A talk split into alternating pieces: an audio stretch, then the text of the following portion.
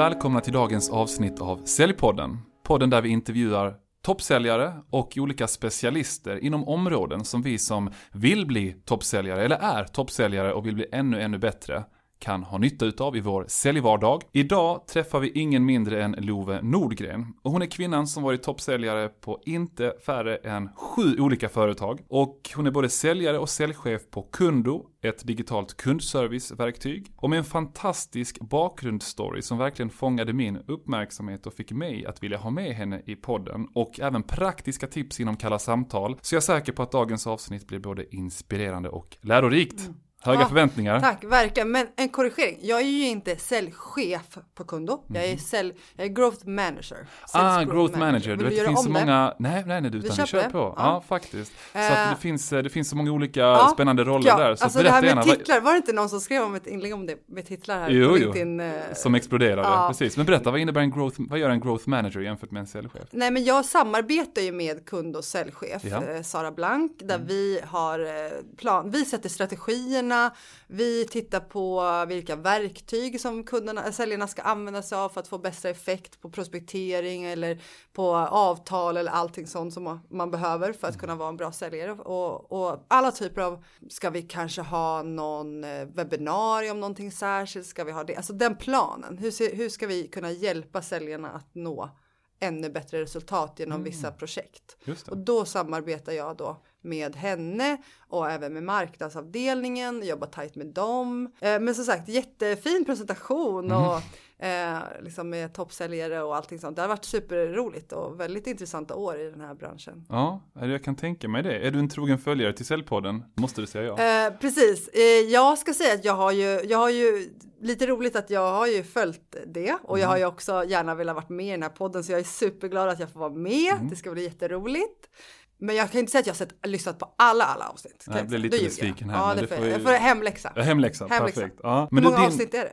Du, det är väldigt många, över 200 skulle jag säga. Men du kan väl lyssna på dem sedan jag tog över stafettpinnen okay, här. Och det var i januari förra året. Så det är väl, eh, ja, kan det vara 20 avsnitt kanske? 20 avsnitt. Ja, men ja. Det, det, du kan plöja igenom 20 avsnitt. Perfekt, det, det, låter bra. Men du, din bakgrundsstory och hela mm. anledningen till att du började med sälj, men även eh, lite om det privata mm. Eh, egentligen. Mm. Det fascinerade mig och gjorde mm. att shit, henne vill jag verkligen ha med mm. här. Kan inte du berätta för lyssnarna vad du tror att jag fastnade ja, på här? Ja, ja men Först och främst varför jag började med sälj från första början är på grund av min mamma. Så en shoutout till dig. Eh, hon eh, har ju jobbat på massa SAS-bolag tidigare och eh, jag tyckte alltid att det var lite imponerande. Mm. Så att jag kände att det där var ju någonting superspännande. Jag vill testa det här.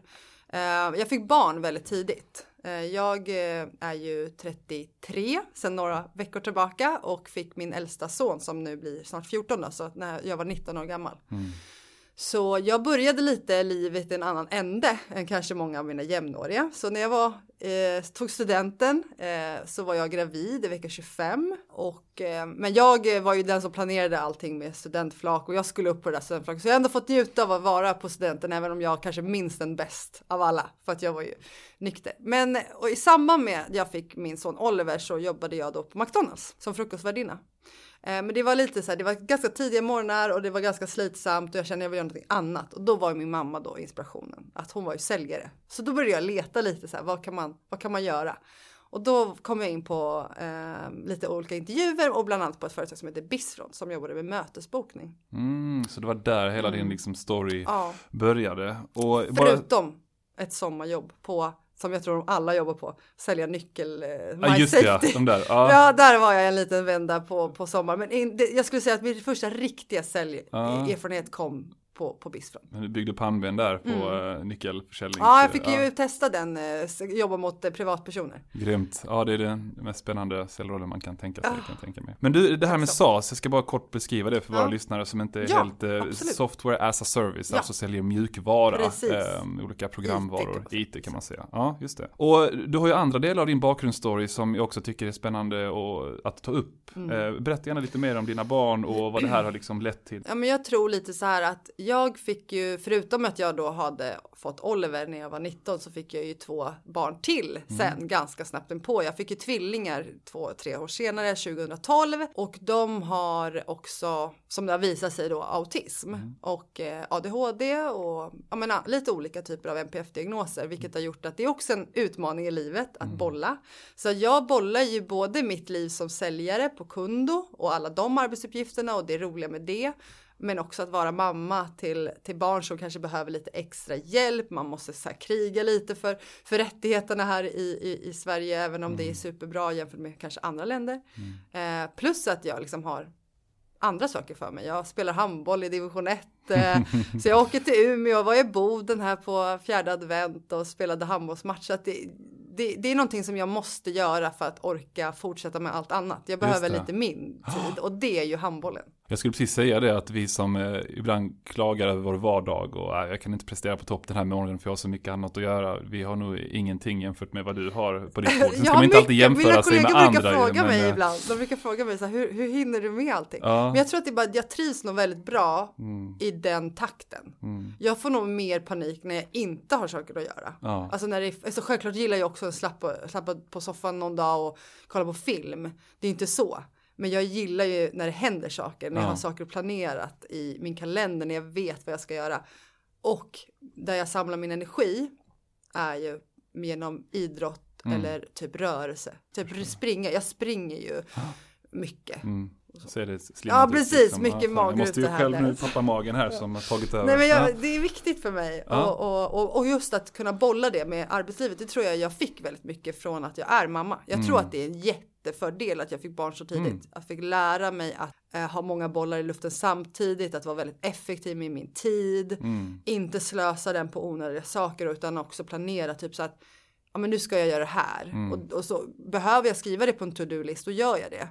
Eh, behöver jag skriva det i min kalender så gör jag det. Men försök också vara ärlig mot sig själv. Och det ska vi också prata lite mer om idag när vi pratar mm. om kalla samtal och mötesbokning eller andra typer av kalla mm. samtal, hur man planerar sin tid på bästa mm. möjliga sätt.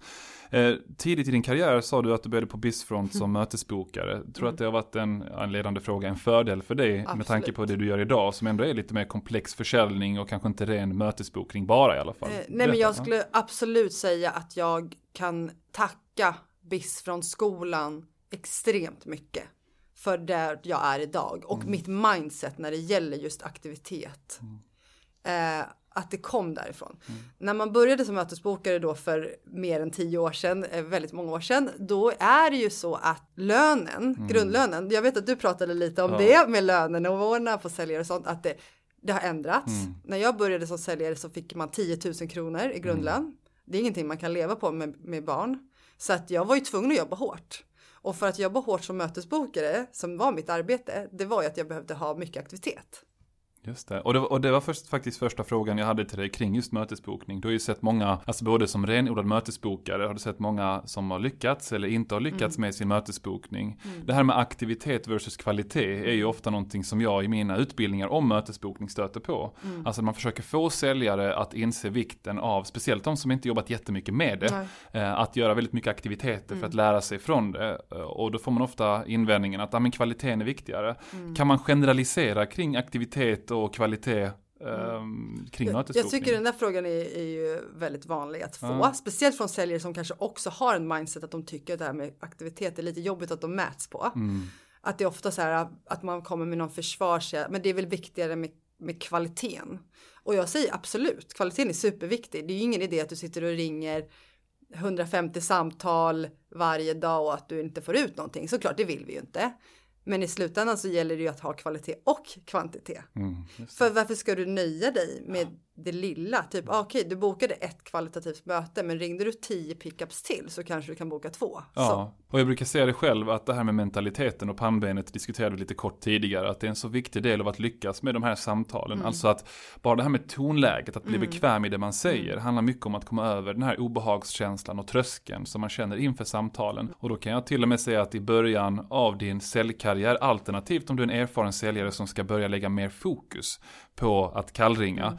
Så är faktiskt aktiviteten viktigare. Mm. Och då behöver, så känner du kanske så att jag ska inte slösa bort eh, viktiga leads och sånt här. Ja, men för det första, de kommer ju knappt komma ihåg det om du ringer ett par månader senare. Speciellt inte ifall det här inte var ett bra samtal. Nej. Och eh, sen det andra är att ja, men, om du kan analysera det du gör med din kvantitet så kommer din kvalitet att bli bättre per automatik. Absolut. Ja. Men eh, vad brukar du när, de, när du får den frågan själv då när det är så här, när de säger så här kval, alltså att för många pratar ju om att eh, man har ju, man måste hitta sin egen hitrate. Ja, just Vissa det. kanske inte behöver ringa lika mycket pickups för att lyckas med slutändan med att de Precis. kanske har ett mål att boka tio möten i veckan. Ja. Men, men hur, eh, vad, vad får du för respons? Ja, alltså då skulle jag säga, för det första skulle jag säga att om du har så pass bra hitrate att du inte behöver ringa så många samtal. Men tänk om du hade ringt 30% fler Mm. samtal och fått till 30% fler möten. Har du inte tid till det, ja men då är det en annan grej. Då kanske Mm. man kan underlätta från säljchefens håll när det kommer till det rent administrativa till exempel. Eh, och det är klart det är viktigt att man hittar sin egen hitrate. Men jag brukar säga det att så länge ni har en viss vertikal, en viss Mm. målgrupp ni bearbetar som är så här, den här branschen eller den här målgruppen, nu vet vi att den bör i alla fall vara Mm. intresserad av det vi har att erbjuda. Och att du har ett någorlunda okej mötesbokarmanus, så att du känner dig i alla fall någorlunda trygg med vad du ska säga. Då tycker jag att aktiviteten är viktigare i början. Och sen när du känner att om jag har kommit över den här biten, den här mentala tröskeln, då kan man börja fokusera mycket mer på kvaliteten istället. Så brukar jag svara. Jag tror också att det handlar mycket om så här på, det finns ju hur många säljbolag, alltså hur många organisationer som har säljorganisationer i sig och alla mäter inte på samma sätt, alla har inte samma kopior. Men har man en strategi där man jobbar med både outbound och inbound marketing och vi som säljare då har ansvaret för kanske det största med outbound primärt kanske för SDR och sånt kanske ibland jobbar lite med inbound så. Så tror jag att många säljare kan ibland tänka lite för mycket. Det är för mycket tänkande så här. eh, Ska man eh, Ska jag ringa det här lidet eller ska jag inte göra det? Eller, och Det tar för lång tid. Alltså det är bara att ringa. Och det som vi, jag pratade med dig om när du och jag pratade lite inför den här podden så sa jag att det värsta man kan få när man sitter och ringer är ju ett nej. Ja. Det kan inte hända så mycket mer. Nej, och den här biten med att övertänka, det är till och med ett begrepp inom det man kallar för säljhinder. Mm. Det finns till och med de utbildare i Sverige som säljer rena utbildningar om säljhinder, hur man kommer över dem. Så over preparation kallas Ja. det då för på, på engelska. Och hur, men hur kommer man över den biten då, mer än den här mentaliteten just do it? Finns det något annat man Jag, kan tänka jag tror på? att det handlar också lite om hur bekväm du är i din roll som säljare på det bolaget. För jag menar, många av vi säljare här ute är ju väldigt duktiga på yrket sälj. Mm. Sen måste du ju lära dig den branschen. Du kanske byter bransch, du kanske går in i rekrytering eller du jobbar helt plötsligt med annons, annonsförsäljning. Såklart det kommer vara olika. Mm. Eh, men när du väl kommer, jag tror att det handlar lite om att komma in i en bekvämlighet och veta, känna sig trygg. Mm. Kanske ha en bra manus, inte för att du ska läsa manuset ordagrant, men för att du har ett stöd. Du har riktigt, kanske redan förberett på måndag morgon Mm. några olika företag som du vet att du ska ringa eller kan referera till. Mm. För det kanske är det, oftast handlar det om kanske man vill ha någon referens. Och därför vill man gå in på hemsidan innan och börja titta saker för att sen veta vad ska jag nämna på, på samtalet. Just det. Men gör det lite innan då, kanske bestäm det att på måndag då ska jag börja, då ska jag ringa mycket kalla samtal och då har jag gjort en lista och den Mm. är, passar väldigt mycket bra för fastighetsbolag. Mm. Och då kanske du redan preppat då referenser som passar fastighetsbolag. Så att du inte behöver göra, för när du väl är i rytmen, Mm. du vill inte bryta den var femte minut eller var tredje minut för att du ska börja kolla på Google eller på LinkedIn Mm. varje gång. Det stör lite ditt momentum. Just det. Så om man säger så, ett, tro på vad du säljer. Mm. Två, ehm, att ha förberett saker innan du ens ringer Mm. för att undvika den här överförberedelsen. Förberedelsen heter Mm. det såklart. Eh, vad var det mer du sa här för att sammanfatta det här med att eh, undvika övertänkandet? Nej men att man kanske har preppat en lista Ja, det, ja. innan. Och, Preppa inte, och innan. att just bara att, liksom, för jag tror att det handlar mycket om fokus. Ja, att exakt. tappa inte fokus. Men ju, jag tror övertänkandet är ju ett hinder för många när det gäller allt. Mm. Alltså vi på kunder just nu håller på att prata om social selling. Ja. Många är ju jätterädda för att göra sitt första content för de Mm. tänker så mycket för vad de ska. Tänk om de inte får någon respons. Ja. Tänk om det blir som en så här komikers värsta mardröm att man, eh, att man eh, boomar, att ingen skrattar. Och det är lite samma sak att rädslan för folk att lägga ut ett inlägg på LinkedIn, att ingen ska reagera. Ja, Men jag tror att det övertänkandet är ett hinder för oss som människor överlag och speciellt i yrkeslivet. Mm. Så försök att släppa lite den där prestigen och tänka så här, det, det kan inte hända någonting. Okej, jag Nej. bommade ett samtal. Det, alltså, så länge du har varit trevlig så kan det inte hända något. Ja, men en annan sak som jag brukar rekommendera säljare det är att man ser varje samtal som någonting lärorikt Ja. förhoppningsvis. Alltså oavsett, alltså, nästan snarare än att fokusera på att nu måste jag boka möten. Fokusera snarare på, alltså nu ska jag ringa samtal. Kanske till och med förvänta mig att jag inte kommer boka jättemycket utan snart jag kommer lära mig någonting. Mm. Och den här lärdomen kan jag både ta med mig för att utveckla andra samtal men även jag ringer tillbaka till det här specifika prospektet Mm. om ett par veckors tid, någon månads tid för att förekomma invändningarna Mm. som kan dyka upp. Alltså det är så många gånger som jag har varit med om säljare jag har coachat som att så här, åh nej nu var det tio kunder här i helt rätt målgrupp som sa nej till mig. Okej men skrev du ner det ordentligt i CRM varför de sa nej? Ja men det gjorde jag. Bra, alltså tre eller fyra utav dem, utav dem lyckas de boka sen någon månad senare för att de kan proaktivt förekomma invändningen innan kunden ens tar upp det igen. verkligen. Så att se det som någonting lärorikt istället och någonting du kan nyttja eh, framåt. Mm. Varför tror du samtalen känns så jobbiga för många mer än det här med liksom överförberedelser? Nej, men jag tror att det också med generationer. Mm. Kanske är. Alltså jag börjar fundera lite på det, för det känns som att de yngre säljarna som kommer nu, som är en yngre, generation yngre än mig också, att de har den här telefonrädslan även i sitt yrke.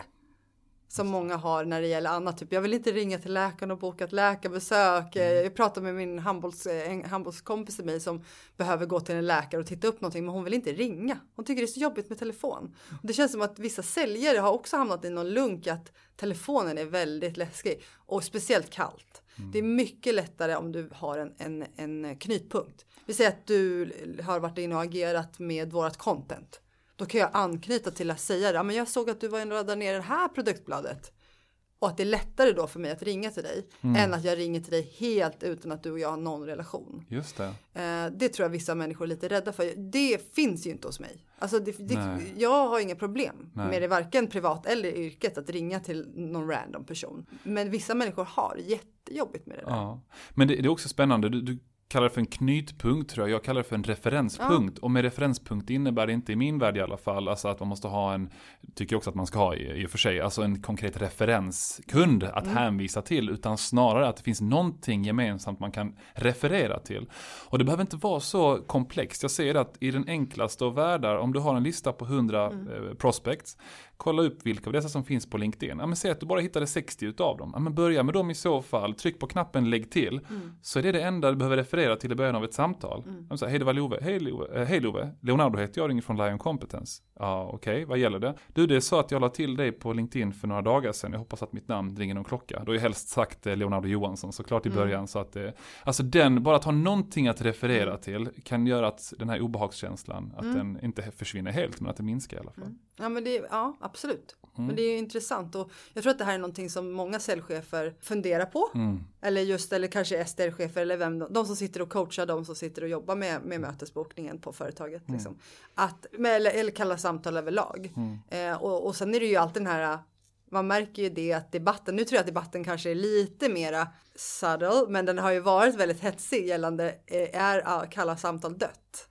Exakt. Ja, jag, Inte. ja, jag blir ju aggressiv nästan. Vad tänker när- du? Vad tänker du? Nej, jag- är kalla samtal nej, Vad, får, vad tänker du när du får den, det påståendet? Nej, nej, men jag har så många kunder som även är i klassiska branscher där beslutsfattare är helt ned, nedringda. Och det är klart att det är, jag brukar säga att det är typ 30% svårare att nå en person idag än vad det var för typ tre år sedan. Och sen pratar man om ännu längre tid tillbaka så är det ännu mycket mer, liksom, Mm. mycket svårare. Men det är fortfarande så att jag inte har sett något annat tillvägagångssätt som ger en högre, alltså fler skapade affärsmöjligheter per timme Nej. av nedlagd tid eh, från en säljare än detta. Det är Mm. fortfarande så idag, så att absolut inte. Nej. Nej, jag håller inte. Jag håller också med. Ja. Inte dött, eh, men definitivt jobba med kombinationen Mm. av inbound och outbound är ju drömmen. Ja, Eh, ersätt inte någonting. Ingen Nej. strategi ersätter kalla samtal tycker jag. Ja. Jag tycker eh, använd det som social selling om du Ja. vill. Använd eh, outbound sequences om Ja. du har, jobbar med det. Eh, jobba med mail, video, vad som. Men jag tror att om du tappar kalla samtal och den, den KPIn så tror jag att du kommer också eh, kanske kunna sälja.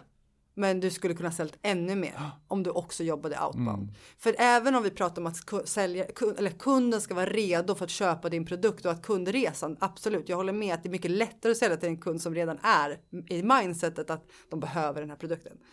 Men ibland så vet vi säljare om att vi också kan skapa behovet. Exakt. Som inte egentligen fanns. Ja. Utan att vi har någonting som troligtvis kan lösa någonting som de kanske inte ens fattade själva att de hade ett problem med. Precis. För de visste inte om att det fanns. Och mm. ringer du, det finns ingen roligare affär än när du själv har ringt det där första samtalet och bokat det där mötet. Alltså ja. outbound affärer är, även om det är superroligt med inbound också, men det finns någonting särskilt med outbound affärer, att det är du som har skapat den här möjligheten ja. för både dig och din kund. Ja, och det är två saker jag tänker på det. Det ena jag tänker på, på tal om det här med referenspunkter vi pratade ja. om tidigare, att det är någonting jag har sett när jag analyserar samtal idag jämfört med ett par år sedan. Att det är viktigare för en säljare att om man inte har den självsäkerheten mm. i tonläget som du och jag har kanske när vi ringer för att vi har den här bakgrunden. Ja att ha någonting att referera ja, till. Man behöver sticka ut mm. jämfört med de flesta som ringer. För beslutsfattare har inte lika mycket tålamod idag i samtalen som de hade mm. tidigare. Nej. Faktiskt. Så det, ja, såklart. Ja, det beror så, så, på vilken level du ringer på. Ja. Är det C-level eller, eller är det till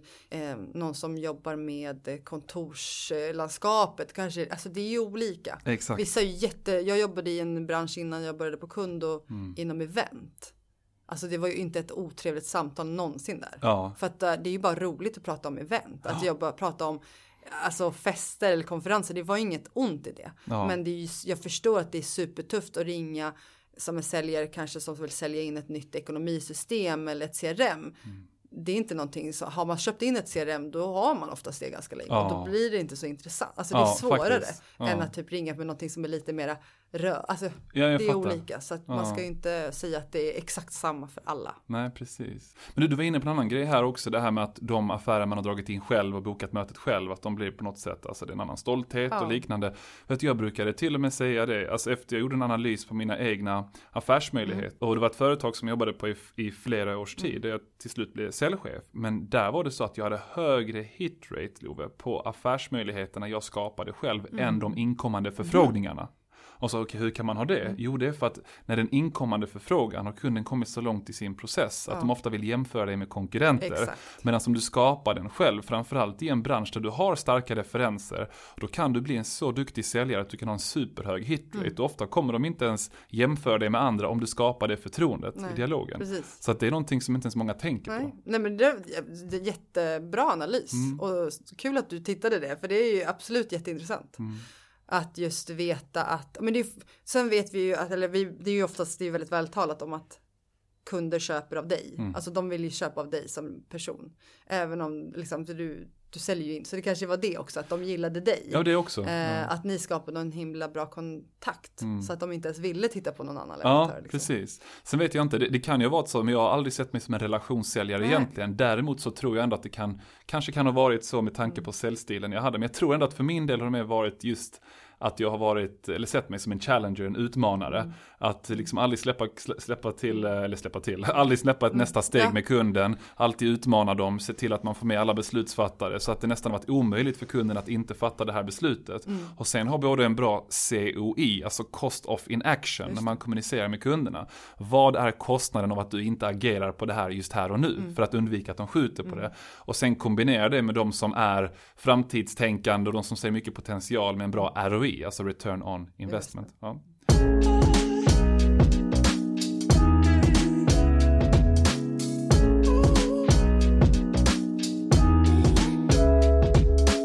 Nästa sak jag vill fråga dig kring, det var det som vi touchade lite kort i inledningen, det här med time management, hur man ska planera sin tid.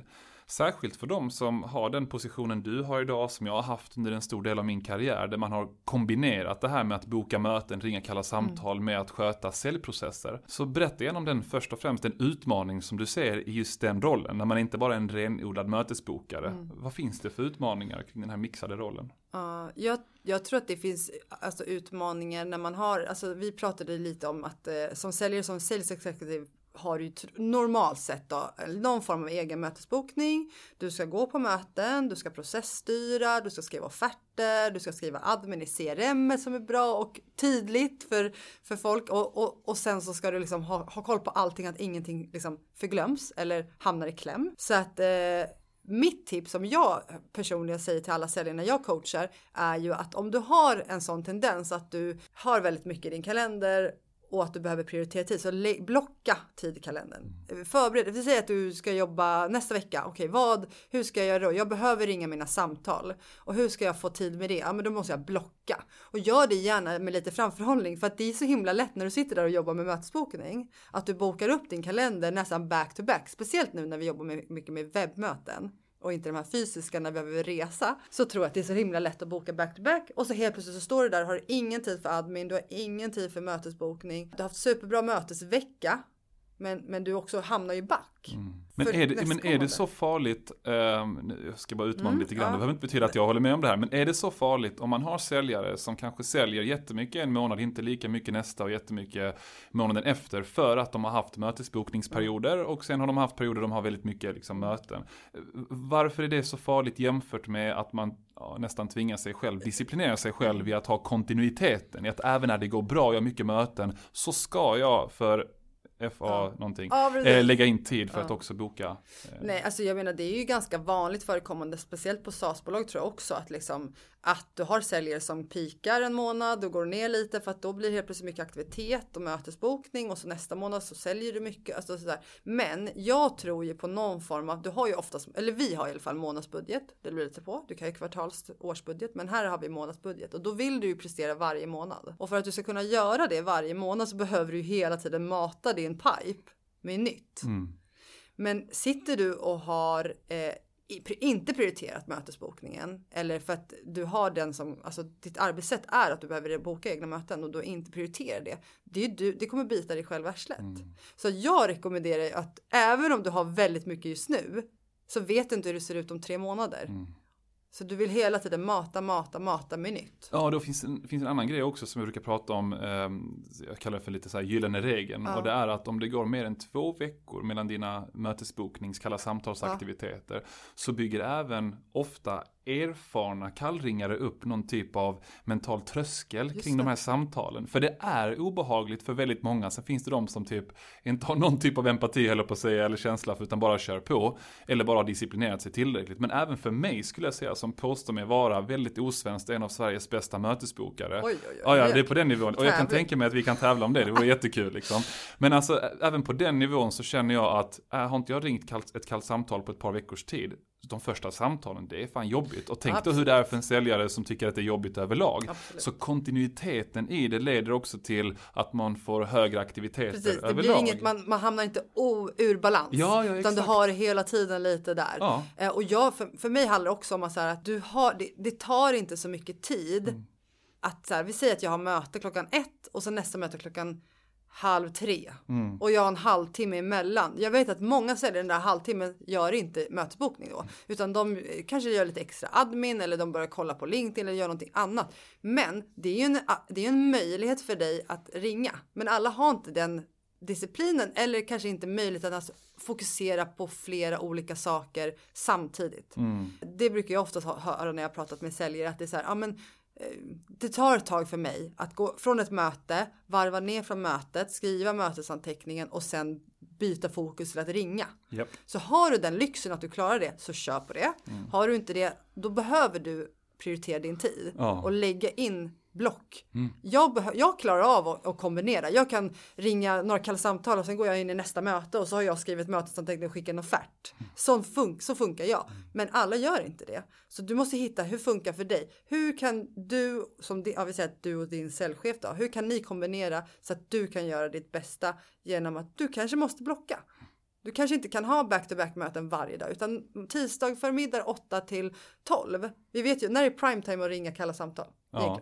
Vad säger du? Alltså jag skulle säga att eh, för det första om man kollar liksom överlag under en vecka mellan 8 till 9 16 eh, till 17. Att det är då man har många beslutsfattare C-level inte har så mycket mm. möten inbokade. Mm. Men så skulle jag säga tisdagar funkar jättebra mm. under hela förmiddagarna. Men sen funkar också, tycker jag, fredagar mellan 13 till 15. För då är folk på ganska bra mm. humör men vid 15 har många gått hem från arbetet. Liksom. Och sen har jag också sett tyvärr att det särskiljer sig lite från bransch till bransch ja. utifrån vem man ringer till. Men du får gärna berätta om dina erfarenheter. Nej men jag tänkte precis här, och det är lite intressant för det, så har jag också blivit lärd. Ja. Att prime time det är 8. 8 mm. till liksom 8-9 för då är mm. folk på väg till jobbet, kanske sitter i bilen. Eh, eller på eftermiddagen. Men när tror du att de flesta företagen har sina morgonmöten då?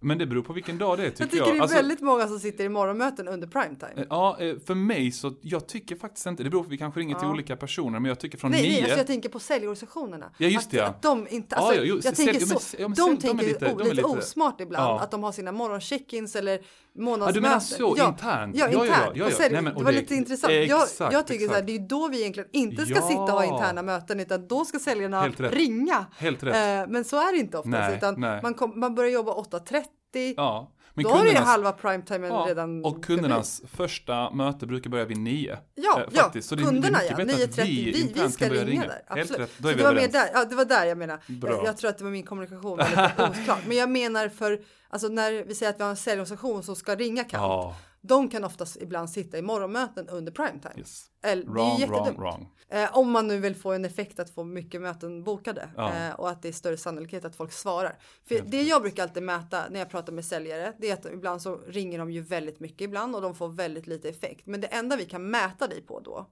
är ju att du har försökt. Exakt, din ansträngning. Din ansträngning. För att jag menar, vi kan aldrig garantera på hur många som kommer svara när du ringer. Du kan ringa 150 samtal utan ett enda pick. Alltså ingen svarar. Ja. Men vi ser att du försöker och du kämpar. Men eh, liksom gör du inte ens det, eller alltså det blir liksom ingen effekt. Då, då är det svårt att veta vad du egentligen gör. Ja. För oftast jobbar vi också lite remote nu, vi har en ny arbetsmiljö. Vi på Kundo, vi har till exempel två arbetsdagar på kontoret, resten hemma. Det enda jag kan mäta dig som på utan att bli micromanagement är ju att kolla i HubSpot eller CRM som ni har då. Att se hur, vilken aktivitet personen har haft. Liksom. Och det enda du vet för säkert är att hur mycket du försöker. Du kan alla, det finns inga garantier på hur många möten du bokar. Du Precis. kan ha 10 pickups eller 10 pitchar men inte ett enda möte. Men man ser att Då försöker. du har försökt. Innan vi går vidare till nästa fråga så vill jag slå ett slag för vår huvudsponsor här i podden som är Säljarnas Riksförbund som erbjuder allt ifrån juridisk rådgivning till inkomstförsäkring och säljutbildningar till ett värde av över 40 000 kronor. Och detta till ett belopp under 300 kronor per månad. Är det så att ni är nyfikna på vad det innebär att vara medlem så kan ni gå in på säljarnas.se, alltså saljarnas.se eller skicka med ett meddelande på LinkedIn så kanske det är så att ni får en liten, ja, vad ska man säga, en liten kampanj av mig där ni får vara medlemmar i två månader helt kostnadsfritt och det är ingen bindningstid på det heller. Så säljarnas.se eller Leonardo Johansson på LinkedIn. Bra! Okej Love, nästa grej här. Eh, Vilka störningsmoment kan dyka upp inför eller under själva liksom ringpasset och hur ska man anpassa sig till de här störningsmomenten? Mitt största tips är att om du har bestämt dig för att nu är det ringtid, då är det liksom bort med alla om du har en sån personlighet som lätt kan bli lite störd av saker som händer i yttre,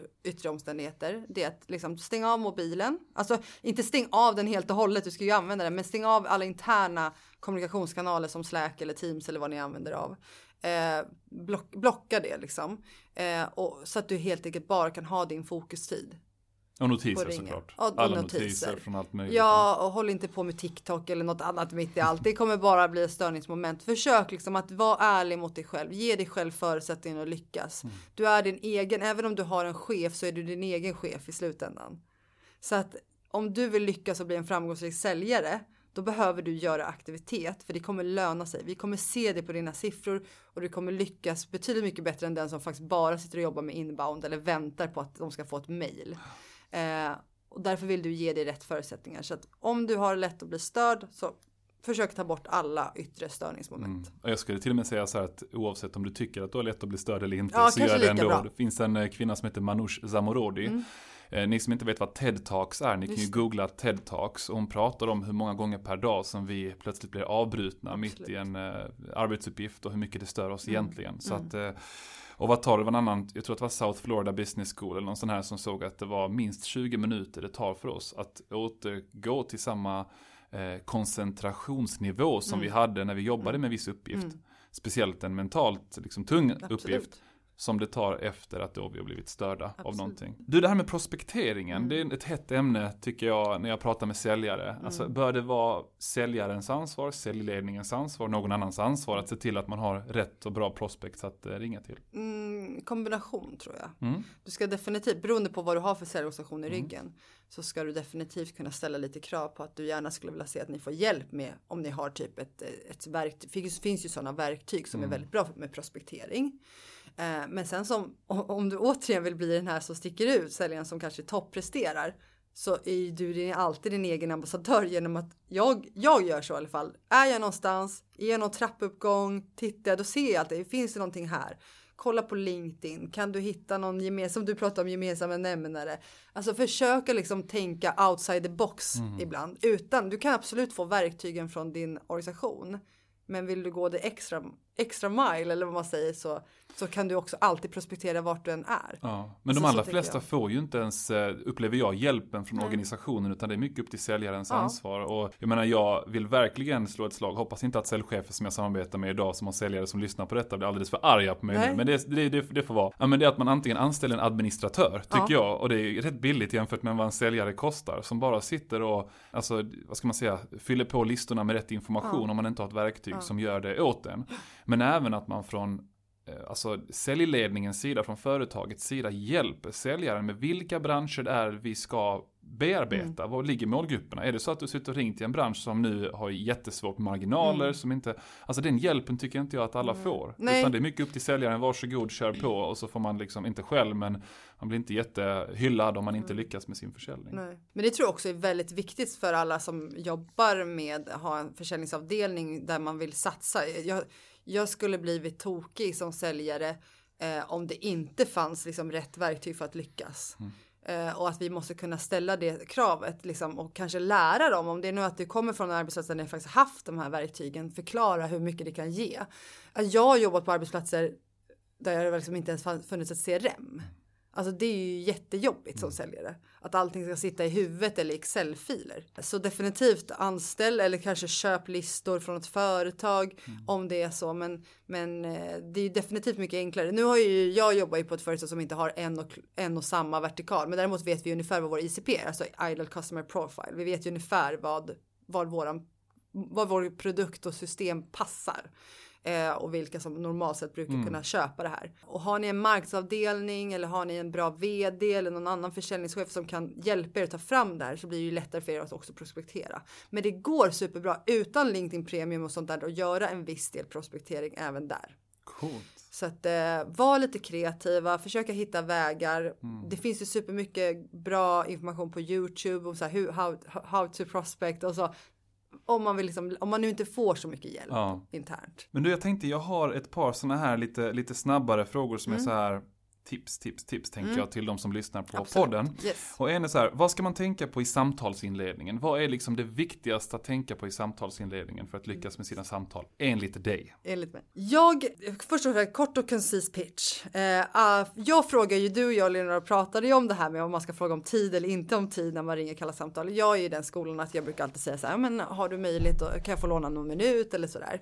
Att jag oftast inleder det. Jag försöker oftast respekt, försöka respektera kundens arbetssituation. Mm. Jag kanske ringde mitt i någonting. De kanske trodde att jag var från förskolan. Alltså man vet inte. Man vill ändå ha, jag försöker jobba mycket med att ha respekt. Sen vet jag att det är ett eh, vattendelning där. Men jag är en av den. Så kort och koncis pitch. Kom ganska snabbt till vad jag egentligen vill. Just det. Och den, vi kan ju ta den eh, lite snabbt bara. Mm. Eh, på volley höll jag på att säga. Men att fråga eller inte fråga om de har tid. Alltså om du ställer frågan har du tid i två minuter att pratas vid eller ringer jag och stör, ringer jag mitt? Alltså ställ inte frågan på det sättet mm. utan gör det snarare som du säger. Eh, hade jag kunnat låna någon minut av dig om det går bra? Eller alltså något i stil med att det nästan är ett påstående eh, skulle jag i alla fall vilja påstå. en liksom, ja, ja inte, inte mm. för mycket smashläge för att de ska kunna säga nej. Och är det så att du inte vill använda det och säga men det funkar inte på de som jag ringer till. Då kanske det är för att, nu är jag väldigt hård, men för att du inte har tränat tillräckligt mycket på att vara tillräckligt auktoritär. Exakt, i början av din samtalsinledning. Mm. För är du väldigt så här, åh snälla hade jag kunnat låna liksom två minuter av din tid, då kommer det aldrig funka. Exakt. C-level people har inte tid. För Nej, de vill veta, du, säg vad du vill. Ja, exakt. Och ska du inte fråga om din tid så är ett annat tips till dig, nu gör du säkert någonting som är jättebra idag redan, men det är att säga något i stil med, du jag läste um, det här om er på er hemsida, vilket fick mig att vilja bolla en idé med mm. dig på någon minut. Mm. Alltså att du har läst någonting, någon typ av referenspunkt mm. och sen säger du, vill jag bolla en idé med dig på någon minut, om det känns rätt i din retorik. För då frågar du inte om tid, fast du frågar ändå om deras tid. Och säger de bara då, ja okej, okay, så är det som att de har sagt, det är okej okay att du pitchar ja, för mig och då precis. kan du gå vidare. Precis, det blir någon form av referenspunkt som du pratade ja, om tidigare. Exakt. Att du liksom knyter an den här personen på någonting som ni som, kan, som, som, som lockar den att lyssna. Ja. Men, eh, ja, men definitivt så. Nu har ni lite olika ta tankar och idéer, men just det här med att fråga om tid, är väl så här, det, gör det som känns bäst, men ha kort och koncist pitch, var auktoritär i rösten, låt inte för liksom så att du är lätt att bli överkörd, Ja. utan ehm, men också med, också med pitchen så är det mer att du ska ju ha den som ett stöd. Du ska inte liksom sitta och läsa den Ja. upp och ner, utan du ska ha den som ett bra stöd. Ehm, och ta inspiration från varandra om ni är fler. Så här, lyssna, medlyssna varandra och sen Mm. på pitchen. Om det är då att den är lite oklar. Referenser, är det viktigt? Alltså inte bara referenspunkter utan att använda referenser, konkreta andra kunder som Jag att jag förhoppningsvis bor- har liknats vid Ja, den här men jag tror att det kan vara bra om du har social proof. Mm. Eh, att det finns liksom någon form som den här personen blir lite, lite intresserad, lite nyfiken. Mm. Att det blir så här, okej om de jobbar mer, då vill jag också veta. Jag vill inte ha Mm. FOMO, jag vill inte fear of missing out. Jag vill veta, är ni så bra så att ni jobbar med de här varumärken som är exakt i min bransch, det är mina konkurrenter, jag måste ha stenkoll. Jag vill höra. Bra. Absolut. Så, I agree. Jag Ja, håller med. ja där, precis. Man får också legitimitet att prata vidare med personen om man har bra referenser Ja. att hänvisa till. Och, precis. Och det kan till och med om du vet att du kan kolla på LinkedIn att ni har någon connect. Du kan ju till och med använda att eh, men jag vet att Leonardo jobbar med. Om det är Ja. nu inte företaget i sig. Som du Exakt. Men du, är det här med cliffhanger eller att hellre informera ordentligt i Mm. ett samtal inför ett möte? Liksom, vilken del tror du på? När jag, när jag säger Mm. cliffhanger innebär det alltså att man inte berättar för mycket utan man har något lite i luften inför Mm. ett möte. Eh, motargumentet mot det är ju att ja, men, kunden måste ju veta vad de tar ställning Mm. till. Eh, och det andra motargumentet kan vara att ja, men, jag brukar skapa ett intresse genom att kunden får ganska mycket information. Alltså vad säger du? Vad, vad Eh, du? Vi ska särskilja två saker här. Ja. Discovery call från ett kallt samtal är inte samma sak. Vissa jobbar ju med att de har ett lite längre samtal med ett prospect för att sen eventuellt boka ett möte som de redan i princip har berättat exakt vad de ska prata om. Nu, det jag pratar om och det vi förespråkar om det är ju när det handlar om kalla samtal för att locka till mötet. Nu ska vi inleda en dialog för att jag sen ska få träffa dig den 24 mars klockan 10.